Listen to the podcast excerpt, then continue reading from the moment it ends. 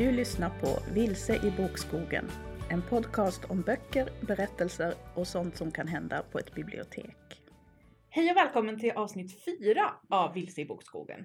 Roligt att du fortfarande är med oss. Dagens tema är älskade och hatade bokfenomen. Jag heter Sara och med mig har jag Sandra, Hej hej! Malin Hallå! och Maria. Tjena! Nu kör vi! Woop, woop.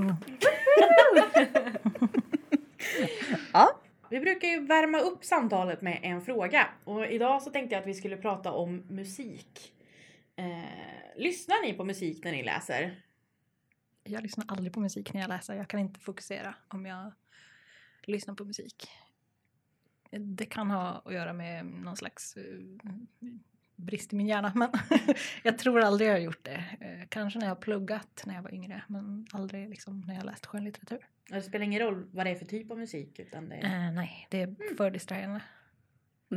Jag lyssnar på musik, alltså så det finns här playlists på Spotify och sånt.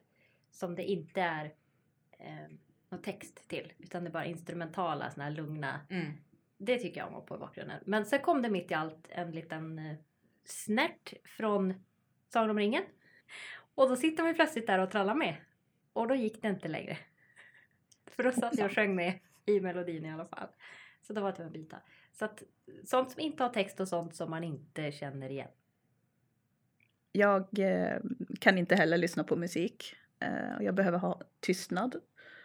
Jag kan tänka mig max lite fågelkvitter om jag sitter på balkongen. Det verkar som, helt klart som det är jag som vill ha mest ljud omkring mig när jag läser. Jag har svårt att läsa när det är tyst. Mm. Då måste det sitta någon annan där så att det åtminstone hör, hörs lite andning. Eh, är jag helt ensam så måste det vara någonting annat igång. Och det kan vara nästan vad som helst. TVn, radion. Men lyssnar jag på musik så vill jag gärna lyssna på eller så har jag en förkärlek för att lyssna på Chopin och Tracy Chapman. Det är mina allra bästa för att läsa till. Men om det är en mer fartfylld bok och man inte kan lyssna på Chopin och Tracy Chapman som ändå är lite mer laid back. Då, då föredrar jag faktiskt musik där jag inte kan sjunga med. Så då lyssnar jag ofta på musik som, på ett språk jag inte begriper. Men det spelar ingen roll om jag känner igen låten eller inte. För jag kan ju sitta och nynna med och läsa samtidigt. Så att det, för min del är det inga problem. Mm. Fascinerande. Mm. Min mentala kapacitet klarar inte av det. Jag kan liksom inte, det som, jag vet inte, det står ut. Ja, men jag blir snarare tvärtom. Jag kan inte Mm. fokusera om, om det liksom inte låter tillräckligt. För det är som om att när, när det låter mycket så stänger min hjärna av. För då är Mm. det normalt. Men är det tyst så börjar jag lyssna efter ljud. Så jag måste ha någonting som, som liksom motar bort att jag hör alla andra konstiga ljud. Någon kran som droppar eller barn som leker utanför eller alltså sådana saker. För då lyssnar jag mer på Mm. det än vad jag läser. Men är det mycket annat ljud då hör jag inte de små sakerna och då kan jag fokusera på det jag läser. Okej, det är som jag när jag ska somna. Jag måste ha så här vitt brus. Någonting som Mm. låter i bakgrunden för att jag inte ska tänka så mycket. Har ni några spontana tankar så här kring eh, vad ni gillar med diverse olika fysiska bokfenomen och vad ni inte gillar med det? Ja, jag går ut, sticker ut hakan här och säger att jag älskar tegelstenar. Och det vet jag att det kommer få mothugg, men nu, nu är det jag som pratar. Så jag börjar. Bossy. Ja. Eh, tegelstenar, alltså riktigt tjocka böcker. Jag läser ju mycket fantasy. Jag är van vid långa berättelser. Jag vill ju inte att det ska ta slut för fort. Därför gillar jag tegelstenar. En riktigt bra tegelstens fantasy är The Priory of the Orange Tree av Samantha Shannon. Det är något så ovanligt som en fristående fantasy i bara en del. Men då är den ju å andra sidan 830 sidor lång också. Men den, eh, den kan jag absolut rekommendera. Den rymmer en komplett historia. Lite snabbt så här. Det är en delad värld mellan öst och väst. Den hotas av krig samtidigt som kaosmakter vaknar till liv. Vi får följa den ogifta drottningen Sabran den nionde som hotas av lönnmördare och hovdamen Ead som skyddar henne i hemlighet med hjälp av förbjuden magi. Parallellt följer vi Tané som tränas till drakriddare på andra sidan havet. Och ni hör ju själva, det har allt man vill ha på 830 sidor. Den är inte översatt eller? Den är inte det. Jag hoppas att den ska översättas. En del andra böcker av henne har blivit översatta. Mm. Jag hade gärna läst den om den inte var en sån här jäkla tegelsten. Hmm. Ja. Ja, jag tycker det är som grejen. Nej, det är så jobbigt att hålla. Och så är de jättetjocka och så, så innehåller de oftast en massa tjafs som inte behöver vara med. Som man kan stryka. Jag har aldrig läst en bok över 400 sidor som jag inte har kunnat ta och stryka massor av grejer i. För att det liksom har varit så totalt onödiga saker. Och det är liksom, skriv episka berättelser och ge ut dina böcker. Men blir de uppåt tusen sidor, dela för fasen upp dina böcker. Nej, men då måste jag ju vänta på nästa del. Ja, vi kan väl ge ut dem ihop, ge ut dem som ett boxset. Men det gör de ju aldrig. Nej men det är väl inte mitt fel? Nej, i och för sig. Jag tycker att det kan finnas historier som behöver vara så långa men de är väldigt, väldigt få. Och det finns väldigt mycket böcker som oh, innehåller så mycket onödigt. Man bara, åh gud, tar den här boken aldrig slut? Fast den är bra, fast åh, kom till poängen. Liksom, nah, det är någonting, det finns för många tegelstenar och det är det som gör att det blir ett problem tycker jag. De vågar inte klippa bort saker känns det som ofta. Ah. Nej, det är som, som när man tänker på så här skräckhistorier man har hört om kockar som blir skitsura om eh, en restauranggäst liksom ber om extra salt eller någonting. Eh, jag vet inte om de kockarna finns på riktigt eller om det här är vandringssägner. Men man tänker ibland så att författaren måste nästan också vara sådana. Bara, Nej! Det här är perfektion. Här ska du inte in och klippa. Och man bara jo. Jo tack. Lite klippa kan vi göra. Ja. Men för mig är det som Outlander-serien av Diana Gabaldon. Jag har läst de tre första böckerna. Sen orkade jag inget mer för att alla böcker är, jag skulle tro, över tusen sidor. De är väldigt långa i alla fall. Och det är väldigt mycket onödigt. Även om böckerna är bra, historierna är bra, så skulle de komma till sin rätt mer om de hade varit lite mer redigerade. Så jag tycker oftast det är en liten otjänst mot författaren att boken släpps i tegelstensformat. Ja. Sen finns det naturligtvis alltså, alltid undantag som bekräftar regeln. Mm. Det är liksom inte sagt att jag aldrig gillar en tegelstensbok. Och ibland så gillar jag dem trots att de är tegelstenar. Men som sagt, oftast så kan jag fortfarande peka på grejer som jag tycker att man kunde ha strukit eller varit lite snabbare med att förklara.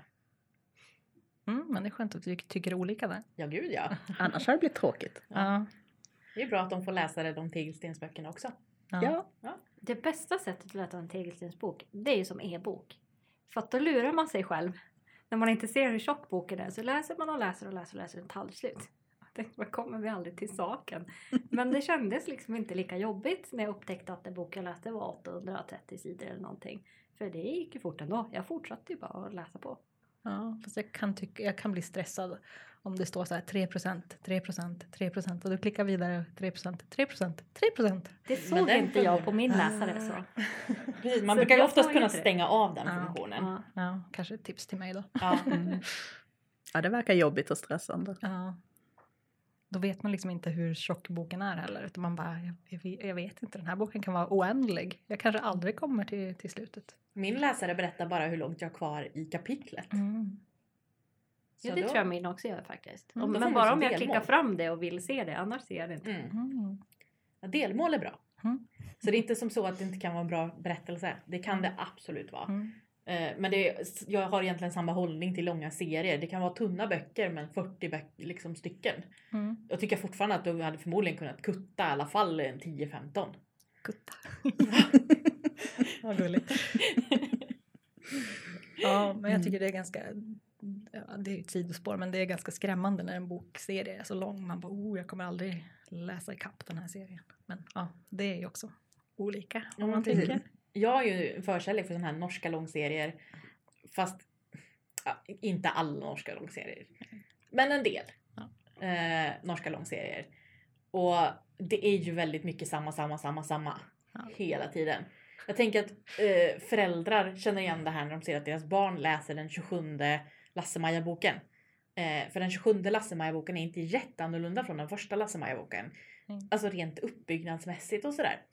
Men jag tänker att vuxna har också såna. Alltså comfort reads. Eller att man känner sig bekväm med någonting man känner igen. Mm.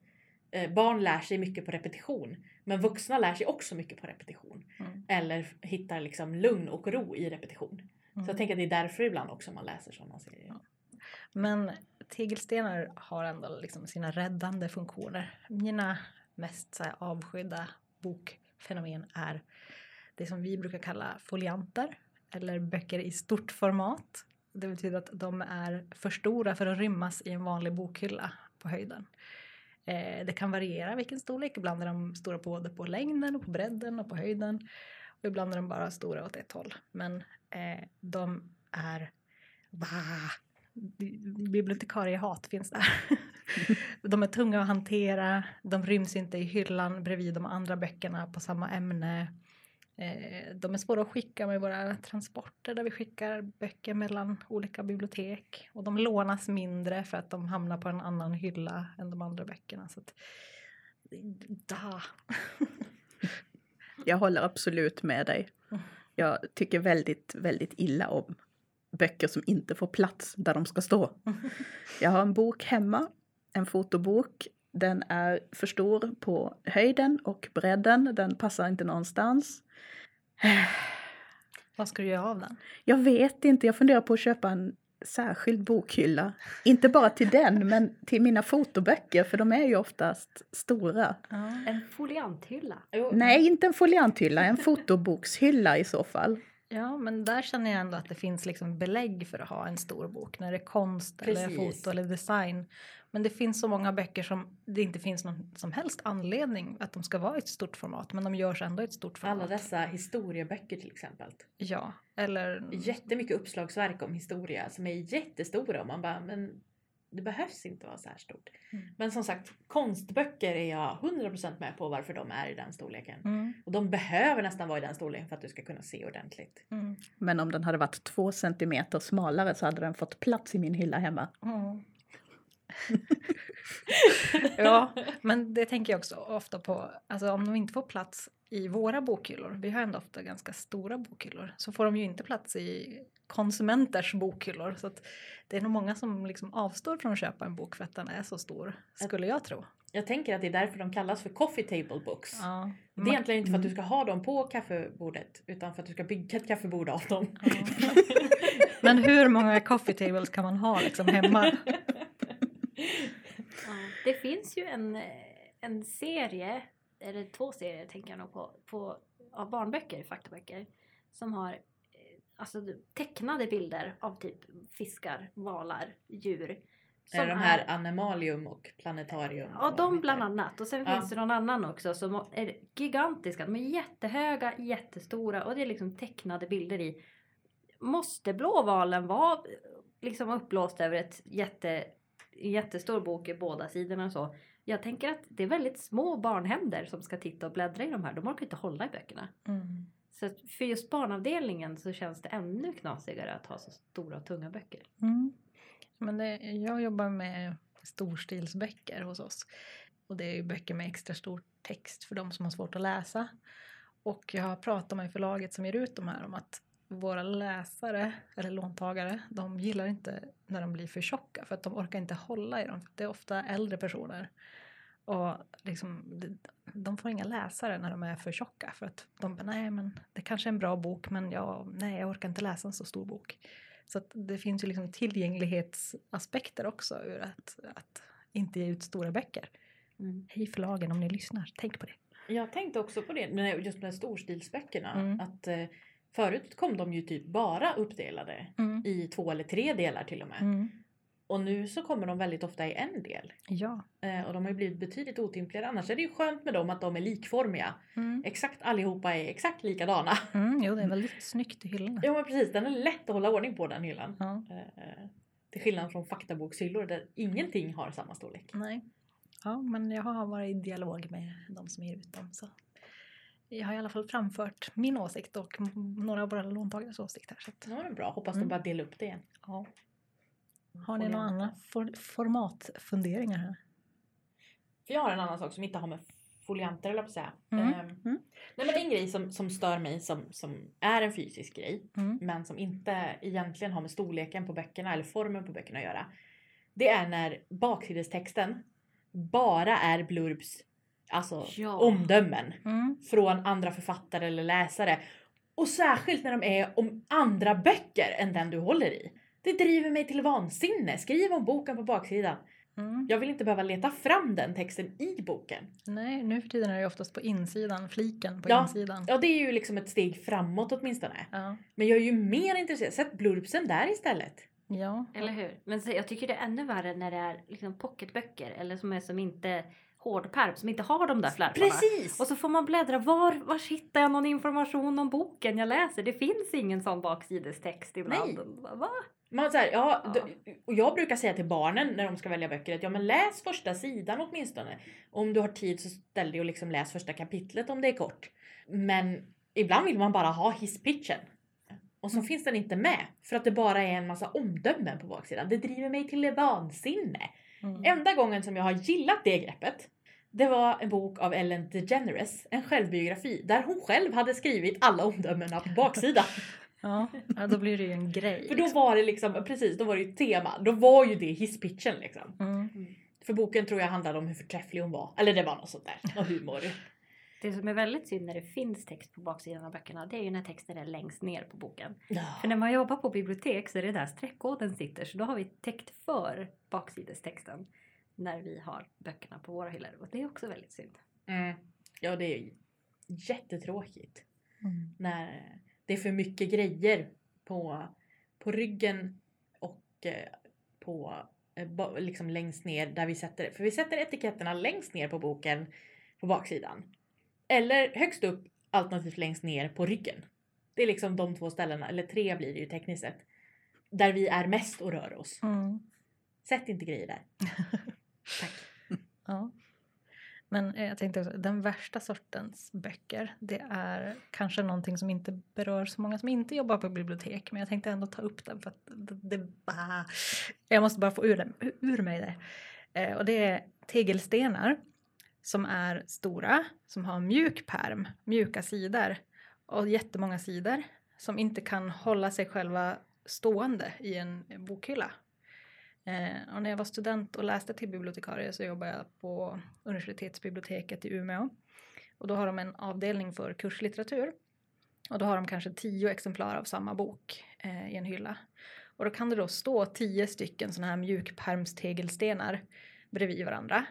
Och så råkar man ta en bok därifrån så faller hela, hela raden av böcker. Så kan de dra med sig andra böcker som står bredvid. Det blir liksom en lavin av böcker för att de här böckerna liksom inte kan hålla sig stående. Så det är liksom va! Och samtidigt om man skulle göra dem med hårdperm så skulle de ju väga flera flera kilo så jag förstår ju på något sätt att de är med mjukperm men aha, de är så sladdriga och jobbiga. Ah. Och så blir de ju väldigt fula i ryggen Ja. när man har läst dem. De blir liksom... De slits ju betydligt fortare Ja. när de är mjuka. Mm. Det är ju också ett problem ur bibliotekssynpunkt. Kanske inte så mycket när den står och är fin i bokhyllan hemma. Nej. Eh, och man kanske är två, tre i familjen som tänker läsa boken. Mm. Men så fort det ska lånas ut och det är mer än tio personer som ska ha den, då är det Mm. liksom mjukpärm alltså. Usch. Hopplöst. Usch. Hopplöst. Ja. Men är det någon som har något positivt att säga? Är det någon som har en favoritgrej liksom i de fysiska fenomenen bland böcker? Något som de gillar med utformning liksom? Men jag gillar ju de här flärparna. Som är på de här. Jag, först tyckte jag inte om de här, vad kallas de på svenska? Dust jackets. Som är liksom Ja, jag vet inte, omslag runt tror jag bara. de, här omslag, de lö- löstagbara omslagen. Skyddsomslag. Där, så heter det, nu. tack. Mm. Eh, skyddsomslagen på boken, de tycker jag om. För att jag brukar använda dem som bokmärke i boken. Jag viker in den från början när jag är i första halvan av boken och sen viker jag in den från eh, den bakre när jag är på andra halvan av boken. Så har jag inget bokmärke och inget kvitto och ingen reservationslapp eller någonting. Så viker jag in dem. Så jag tycker att de är ganska trevliga. Sen vet jag att det är många som tar bort dem helt och hållet medan de läser boken. Mm. För att den inte ska vara i vägen. Det gör ju inte jag. Nej. Det gör jag. Jag låter den stå på sin plats i bokhyllan. Oh. Så får, vet jag vart jag har den. Mm. Eh, Men jag tycker att den är bra som skydd som så. Ja, den som, man hör ju på det engelska ordet dust jacket. Liksom. Den är ju för att skydda pärmen från. Och då tänker jag egentligen inte så mycket på damm. Men eh, mer kanske till exempel om, om bokhyllan är vid direkt solljus. Den blir ju inte blekt. Mm. Alltså då är det omslaget som blir blekt, inte själva boken och såna här grejer. Ja, alltså jag brukar ofta använda dem precis som Sandra som bokmärken. Men däremot blir de så fula väldigt lätt. Alltså Jo. de, de nöts ju väldigt. Och De ser väldigt står- naggade i kanten fort. Precis. Mm. Eh, och jag har ju en tendens att tappa bort dem om jag tar bort dem från boken. Så att, eh, jag är inte så förtjust i dem. Sen ska, ska jag väl vara lite kontroversiell här och erkänna att jag gillar ju faktiskt de sladdriga tegelstenarna. Oj. Va? För att när man öppnar en sån bok, om du har en jättetjock tegelsten med hårda pärmar och så Mm. försöker du hålla upp den boken, den slår ju igen sig automatiskt. Mm. Den, den orkar ju inte hålla sig uppe. Har du liksom en sån här sladdrig pocketbok eller så här, vad heter det, softcover liksom, då, då håller den sig öppen. Om du har öppnat den så ligger den kvar där. Ja, alltså det är ju inte ett lika stort problem om det är bara du som ska läsa den. Så att, Nej. Nej, nej, det är ju verkligen ett problem mer när det är många som ska Mm. Jag tycker i, alltså när du har en jättetjock bok som har hårda pärmar och så försöker du liksom hålla upp den med bara en hand. Du orkar inte hålla upp den. nej, det är därför e-böcker finns. Det är därför jag inte tycker om de här tjockare e-böcker också, absolut. Mm. Men just det där att den blir så otymplig. När Det man var därför jag köpte en sån här bookseat.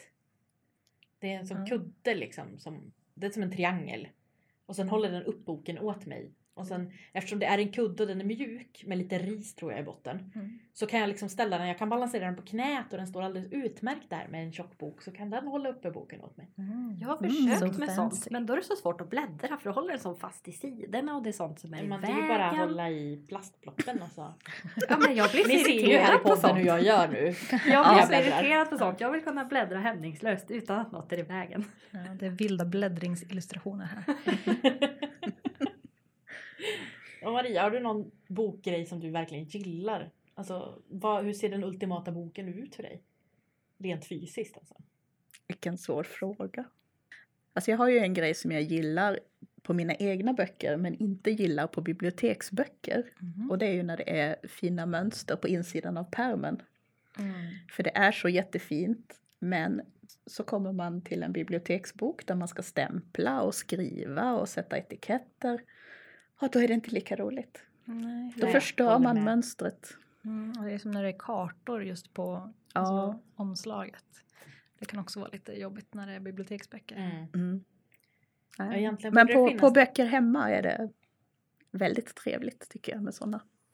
Jag sörjer ju lite de här fina eh, hårda pärmarna med de här eh, skyddsomslagen.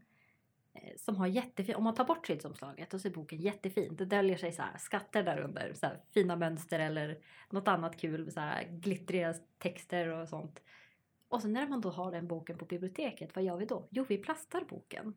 Och det betyder ju alltså att vi sätter fast det här skyddsomslaget. Så man får ju aldrig titta på det här fina som är under skyddsomslaget. Så det sörjer jag lite faktiskt. Mm. Och det är samma sak, har du gjort omslag? En del omslag har ju nästan en sammetskvalitet eller liksom något fint sån textur liksom i Mm. texten eller i... Vi sätter plast på, det märker man ingenting av. Mm.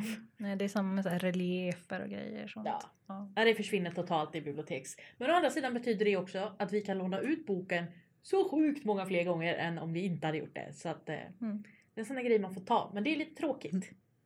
Men det är ju istället för att de ska speciellt formge dem åt oss så får vi Ja, kompromissa med bara. Precis, vi får speciellt formge dem själva. Ja, det blir så. Mm. Jag har en, en positiv sak som inte direkt är med den fysiska formen men det är liksom när man börjar läsa en bok och så finns det såna här små illustrationer vid um, kapitelbörjan till exempel Ja. eller mellan kapitlerna. Det tycker jag är jättefint. Till gud, exempel. Harry Potter-böckerna har så här stjärnhimlar mellan kapitlerna. Och nu håller jag på att läsa en bok som heter eh, Den sista migrationen av Charlotte McConaughey. Och eh, det är en bok som handlar om en dystopisk framtid där liksom djurlivet är utdöende. Eh, och då är det en kvinna som vill följa den sista flocken silvertärnor från deras häckningsställe på Antarktis till andra sidan jordklotet. Och hon övertygar en båt att ta med henne på den här resan eh, för att följa den här fågeln. Och när jag började läsa boken så insåg jag att alla liksom, kapitel har en liten eh, illustration av en fågel bredvid liksom, kapitelnumret. Och jag tyckte det var så fint för att det kopplar ju både till bokens innehåll och så ger det en extra liksom, finess och touch till, till boken. Så sånt tycker jag, det är fantastiskt. Jag älskar också sånt. Ja. Mm. Det är mycket sånt i barnböcker, tack och lov. Ja, Mm. Att de har så att det är något mönster och sånt på varje sida. För det gör ju att det är så mycket trevligare. Annars har de jättefina omslag och sen öppnar man boken och ser alla böcker likadana ut. mm. Jag tycker om när det är något sånt där som man känner att man är i boken. Något som passar till just den här boken. Något mönster eller någon bild. ja men gud jag håller med. Ja. Tusen procent. Och när det liksom inte tar över liksom funktionen. Nej. Mm. Utan, alltså det stör inte själva läsningen utan det är bara en liksom, liten detalj som bara gör lite extra. Det Mm. blir så här, wow, den här boken har någonting. Så, ja. Genomtänkt formgivning alltså. Ja, Mm. guldstjärna. Chef's kiss. Yes. Mm.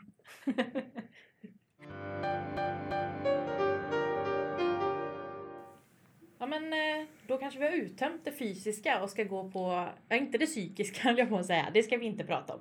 Men liksom mera innehållet, det som vi inte riktigt kan ta på i böckerna. Språk, känsla, eh, den typen av bokfenomen tänker jag. Har ni något att har ni något att säga? Försvara er här! Någon som har några starka känslor kring utformningen på det sättet? Om vi tänker lite mer de mjuka grejerna med en bok. Ja, men som jag, jag till exempel, jag tycker inte om eh, när det blir wall of text. Eh, när du möts av en mur av text där de inte har med skiljetecken, det finns inga styckindelningar. Jag tycker sånt är jättejobbigt att läsa. Mm. Och det spelar ingen roll hur intressant ämnet är. Jag kommer inte klara av att ta mig igenom den för det blir för mycket. Mina ögon blir så trötta. Eh, att det går inte. Och jag uppskattar liksom när folk experimenterar med uttryck och text och text som konst när man ser själva, själva texten som konst i sig, inte så mycket orden. Alltså, jag kan uppskatta att folk håller på sådär, men jag kan inte läsa när det bara är mur av text. Det går inte. Nej, det är du nog inte ensam om. Jag får tipsa om en webbsida som heter begripligtext.se. Där ger de så här 19 tips på hur man kan göra en text mer läsbar. Och det är faktiskt väldigt bra tips för att det passar liksom för alla. Och det är mycket utformning av texten, luftig text. Mm. Lättare att läsa för alla. Det är så skönt att hitta någonstans där man kan, där det känns naturligt att pausa. Precis. Och vila. Bara om liksom jag behöver dricka lite vatten eller oj det hände ett ljud där borta. Jag måste titta upp i boken och så vet jag inte vad jag är. Det är liksom en vägg av text och så bara, var var jag någonstans? Så får Mm. man börja om. Det är så skönt med sådana här som har väldigt luftig layout och man kan hitta liksom okej här var ett nytt stycke. Där kan jag börja igen. Och man blir som, jag blir som lite stressad liksom. Om det bara pågår och pågår och pågår. Och särskilt då när de har bestämt sig för att de inte ska ha några skiljetecken. Nog för att vi inte använder lika mycket kommatecken i Sverige, eller på svenska, som man gör i till exempel engelska. Men några skiljetecken, några kommatecken får du gärna stoppa in i din text. Min svenska lärare sa alltid att min, har du mer än ett kommatecken i en, i en mening så är det för många. Men det är ju olika. Ja. Jo, det är ju mycket en smaksak och hur man vill att alltså läsrytmen ska vara. Det kan du styra lite med kommatecken och sånt. Eh, och fraseringen i hur du läser. Men eh, man kanske inte ska trycka in, som sagt. På engelska så, så ska du ha betydligt fler kommatecken än vad du ska ha på svenska. Så. Men några kommatecken är Mm. helt klart godkänt. Eller korta meningar. Liksom. Eller korta meningar. Det är också okej att skriva lite korta. Blanda längden på meningarna liksom, Mm. så det inte bara är en sort. Mm, Då har jag ju ett ex- exempel här på långa meningar utan kommatecken. Mhm. Eh, för jag har också lite stör mig på detta. Eh, jag försökte läsa Karin Smirnoffs bok Jag får ner till bror, men det gick inte. Jag klarade ett par sidor. För er som kanske inte vet så handlar boken om Jana som åker till Smalånger i Västerbotten för att hjälpa sin försupne bror. Sen stannar hon kvar på familjegården, inleder ett stormigt förhållande med en konstnär och tar jobb på hemtjänsten. Där träffar hon många gamla bekanta från barndomen som nu är ofarliga, åldriga och ensamma i sina hus. Men så har det inte alltid varit. Och så långt, intressant historia. Den kände jag för att försöka mig på. Men efter ett par sidor, nej. Jag tar till min hjälp här ett citat från Litteraturmagasinet som gav den en femma i betyg.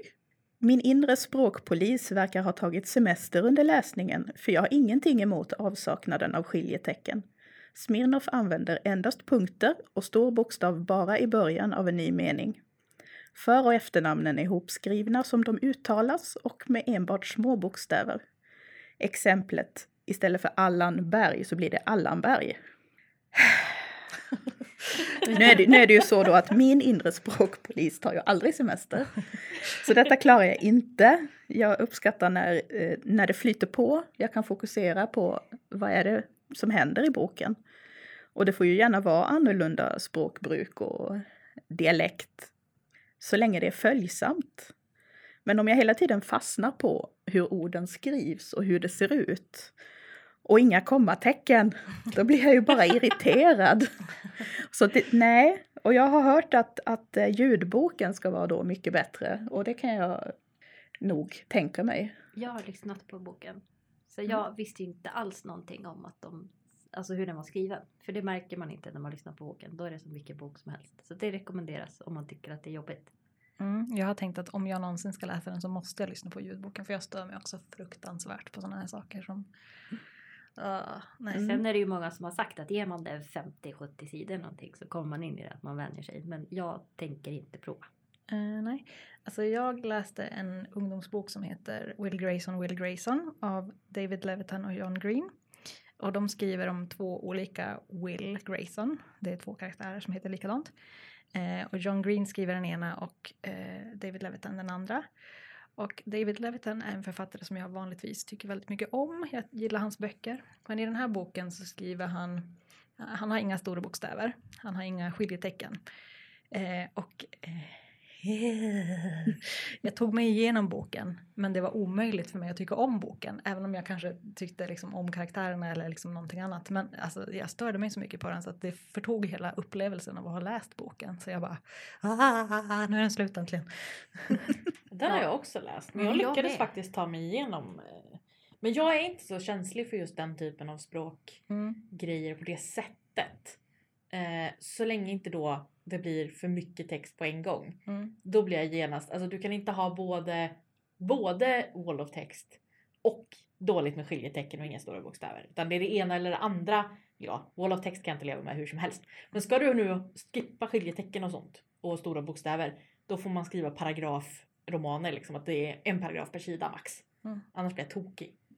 Ja, jag nej. kommer inte ihåg. Jag har läst den boken. Men jag kommer inte ihåg att den är så. Jag kommer inte ihåg vad den handlar om. Jag kommer ihåg att jag inte tyckte den var så himla bra. Mm. nej, ja. Det kanske var därför. Det är inte deras bästa verk någon av dem. Nej, Eh, inte det. Så. Det är inte den sämsta bok jag läst.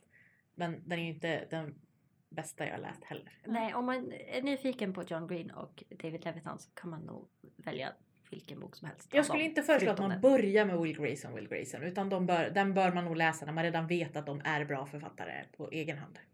Och jag skulle inte rekommendera den alls. Men eh, vilken bok, eh, om vi säger att jag vill läsa John Green, jag har inte gjort det, vilken ska jag börja med?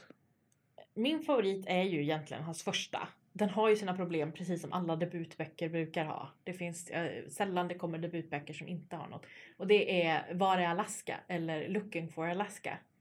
Eh, som den heter i original. Där början av, första halvan av boken, ungefär halvan tror jag det är. Den räknar ner till någonting som har med Alaska att göra. Mm. Och sen efter det så räknar den upp från det som har med Alaska att göra. Och den är väldigt mycket coming of age typ av roman. Ungdomsbok. Ungdomsbok. Han skriver Mm. bara ungdomsböcker. Jag tror inte han har skrivit någonting som inte är en Jag tror inte det. Nej. ungdomsbok eller young adult Nej. roman faktiskt. Men sen den som i allmänhet anses vara hans allra bästa är ju eh, The Fault in Our Stars. Vad är det den heter på svenska? Förr eller senare exploderar jag. Det är Precis. min favorit. Mm. Den är också jätte, jätte, jättebra. Och jag har sett film, jag älskade filmen. Mm. Boken är bättre. Okej, det Så. brukar vara så. Ja, Men, eh, mm, Eller ja, jag tycker det i alla fall. ja. Jag tänker inte påstå att alla måste tycka som jag. Mm. Fast det är jag som har rätt. men om boken är bättre än filmen då kan jag ju nästan rekommendera den utan att ha läst den. Mm. Jag önskade mig den i julklapp en, ett år. Och fick den på julklapp. Eller, I min familj så kan man få en bok på morgonen för att vi ska hålla oss ur spår. Medan de vuxna håller på och jular hemma. De vuxna. Mm. Ja, nu för tiden räknas jag som bland de vuxna. Så Ja. att nu får jag ingen bok på morgonen längre. Mm. Men jag var väl eh, 20 någonting då när den kom. Och eh, eh, då räknades jag inte som vuxen än. Så då fick jag en bok på morgonen. Och jag läste den och jag började grina som klockspel liksom. Var femte sida ungefär. Mm. Så började jag storlipa och sitta i soffan och hulka. Och mamma bara Vad skulle du ha den här på jul för?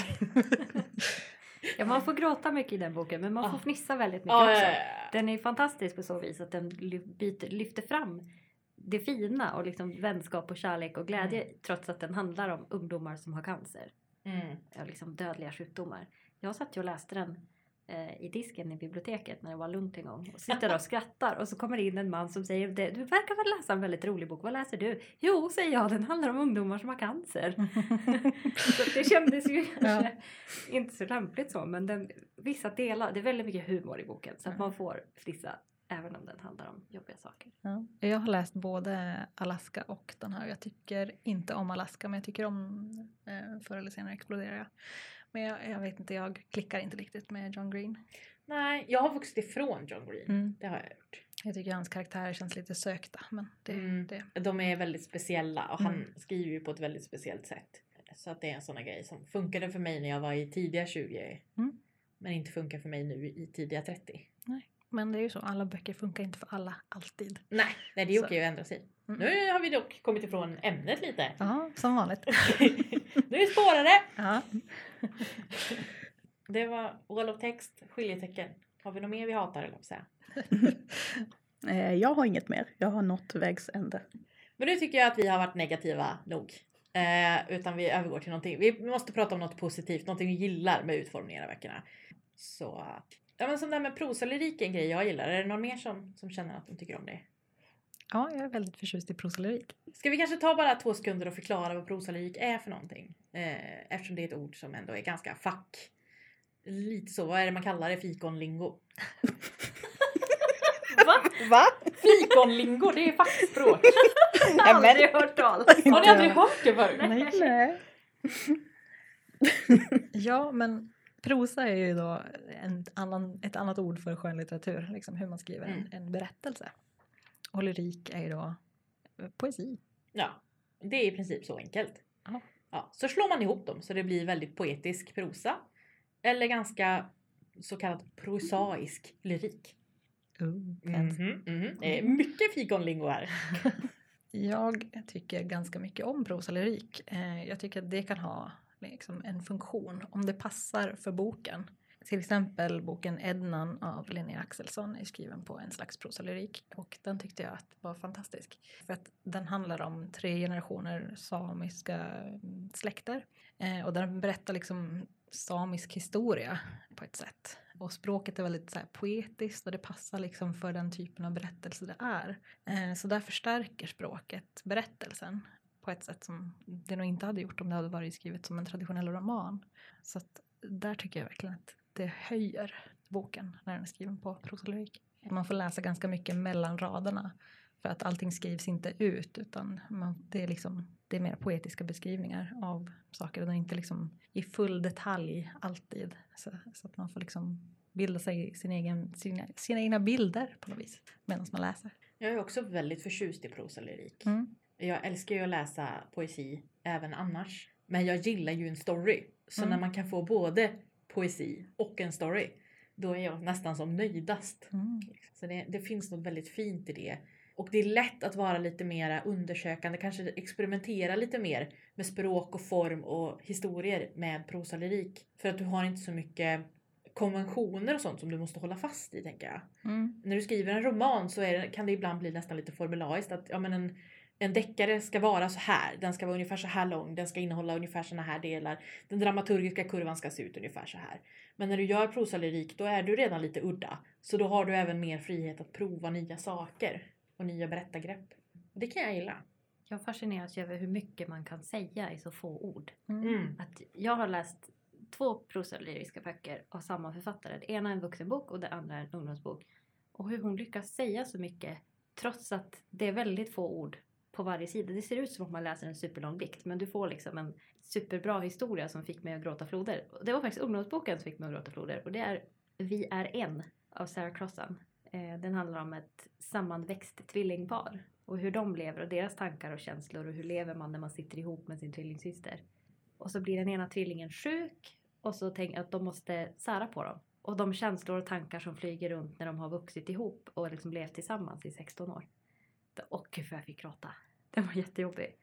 Och den andra handlar om en otrohetsaffär, en skilsmässa och åh, den var också så frän. Alltså den är så, åh, jag vet inte vad jag ska säga. Vad hette den, den andra Den, den boken? andra boken heter Bikupan. Det är en ganska ny historia och den handlar om en man som ska skriva sitt testamente och så träffar han då en advokat. Och Och så blir det en kärlekshistoria mellan dem där en affären utspelar sig under flera års tid. Men så plötsligt dör den här mannen i en olycka. Och hur ska då den här kvinnan som han älskade kunna gå vidare när hon inte får berätta för någon att någon hon älskar har dött? För hon har ju man och barn vid sidan av. Hon kan inte visa att hon sörjer, hon kan som inte prata med någon. Och så är den här boken ur hennes perspektiv. Det var också väldigt drabbande att få in så mycket känslor i så väldigt få ord. I så Mm. luftig text. Jag tycker det är fantastiskt hur man lyckas. Ja, det är en Mm. konst. Det är ju jättesvårt att skriva för oss som skriver själva och har provat det här. Det är ju inte lätt. Så det är också, jag blir också väldigt imponerad när man hittar bra prosalyrik. Mm. För det är, det är en klurig genre alltså. Har du läst den? Jag har ingenting att Tänker på tillföra här. Jag sitter och gömmer mig här bakom puffskyddet. Men det är samma sak, jag älskar ju så här paragrafromaner. Där det kanske bara är en hel scen kan utspela sig i en paragraf. Eller ett helt kapitel kanske är en halv sida lång. Min senaste stora kärlek är ju Hon, en isländsk författare. Med reservation för att jag inte vet hur man uttalar Hon egentligen. Men det är apostrof över o så jag antar att det är något sånt. Och för han skriver ofta, inte alltid, men de böckerna jag har läst så är det liksom korta paragrafer och där kan liksom en hel värld utspela sig. Så det är, hela boken i sig är sammanhängande historia. Men det är som lösryckta scener eller lösryckta paragrafer ur scener som staplas på varandra. Det här sammanbindande som ofta finns i romaner är inte med. Och jag älskar det. Jag älskar hur han skriver. Men det är också så lätt att det blir dåligt. Mm. Eh, Det är också jättesvårt sätt att skriva på. Men när det blir bra så tycker jag att det blir så fruktansvärt bra. Intressant. En annan sak som jag också kan gilla om det görs på ett bra sätt är liksom mm, när man inte riktigt kan lita på den som berättar, alltså opålitlig berättare. Mm. Mitt bästa exempel på det är väl Återstoden av dagen av Kazuo Ishiguro. Den handlar om en butler eh, som har fått en ny husbonde, eller vad man ska kalla det. Eh, det är en ny ägare av godset där han jobbar. Och han, i sina tankar så framhåller han den tidigare ägaren av det här godset mycket högre än han som äger det nu. Och liksom hela historien, så det är någonting som gnager liksom när man läser. Man tänker att men det är någonting som inte känns rätt. Och sen liksom, ju mer historien utvecklar sig så inser man att sanningen kanske inte är så som den här personen vill framställa den. Så att man får liksom följa med in i och inse att ja, men, jag kan inte egentligen lita på den här berättaren. Och sanningen är någonting helt annat än den han vill liksom försöka framhålla. Så jag tycker det är ett väldigt intressant begrepp. Så länge det inte används för ofta. För att det är eftersom man inte förväntar sig det som det blir liksom, får en bra effekt. Det blir ju inte ens någonting som samma författare kan använda i alla sina böcker. Liksom. För då vet du att det är där. Så jag så- sånt är spännande liksom. Mm. Som, som man egentligen bara kan göra kanske en eller två gånger. Mm. Och sen funkar det inte längre.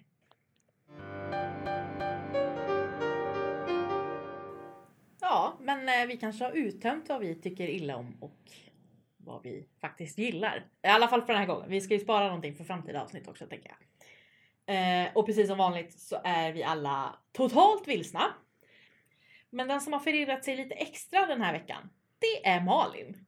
Vart har du tagit vägen? Vad har du gått vilse i den här gången? Ja, jag har gått vilse i musik.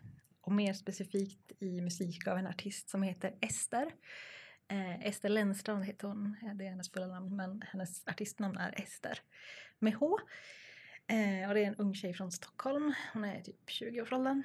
Och hennes huvudinstrument är en vibrafon. Eh, vilket ser ut som en stor elektrisk xylofon. Och det är liksom ett, både ett slag och klanginstrument. Så att det är som en en stor xylofon som, som ger fina ljud ifrån sig. Eh, och jag upptäckte henne första gången när hon var förband till Umeåbandet Deportees. Eh, jag var och såg dem i Kulturhuset i Luleå och tyckte att hon var magisk. Eh, hon har väldigt så här skör röst och väldigt liksom, intressanta texter. Men hon har ändå väldigt mycket power. Så att, eh, just nu är jag väldigt insnöad på hennes, hennes musik. Och en av mina favoritlåtar av henne är As the right bell sounds, eh, som är en jullåt. Eh, En vad? Läge för det. en jullåt, men den, den funkar liksom alla säsonger, tycker jag. Okej. Den, den är inte liksom så här uh, in your face jullåt, men den handlar om julen. Eh, som hon gör tillsammans med en artist som heter Grant och så en låt som heter Danger Stranger.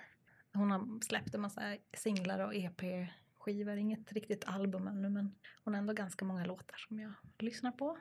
Eh, just nu är hon mitt eh, alarm på morgonen så att jag vaknar till hennes musik och jag Aha. tycker det är väldigt mysigt. Det låter- det var en ny bekantskap för mig. Det ska bli kul att kolla upp faktiskt. Ja. För jag gillar ju också, alltså vibrafoner är så himla coola. Ja. Det ser så mäktigt ut när hon står med sina så stora, eh, det ser ut som så här bomullstops. Ja, men precis. Ja. Det låter inte så powerful men det här är ganska det. Ja, det är mycket coolare än vad det låter. Precis. Mm, jag ska absolut hem och provlyssna. Mm. Finns på Youtube kanske?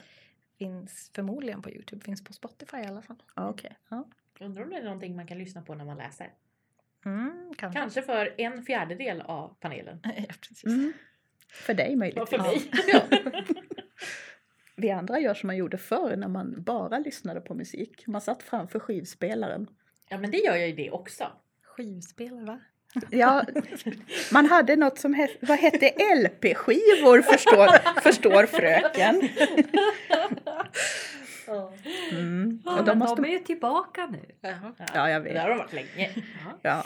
Men då var det när man hade singlar och då, man kunde, hade ju inte gå iväg någonstans för sen skulle man ju vända på den och lyssna Mm. på B-sidan. Mm. Så man kunde lika gärna bara sitta och, och chilla och vänta tills det var dags att vända på skivan. Mm. Och då, det var ingen multitasking. Det var bara nu njuter vi av musik. Ja. Det är Det är ganska mysigt det också. Ja, Ja. Det kan man behöva göra ibland. Man bara, Mm. oh, nu känner jag den här med hela mitt väsen. Mm. Och då låter det ju som om Ester kan vara grejen. Yes. Superrekommendation. Ja, men eh, då har vi nått slutet av avsnitt fyra. Hur känns det? Känns bra. Vad händer i nästa avsnitt? Eh, jo, men eh, i nästa avsnitt så ska vi prata om utsidan och unna oss att vara lite ytliga en stund. Så det kan bli kul. Och se, ska vi se om vi kan reda ut hur viktig utsidan på en bok är egentligen. Och ska man döma en bok efter omslaget? Eh, men tills dess så får ni ta hand om er, så hörs vi. Hej då! Hej då! Hej då! Hej då!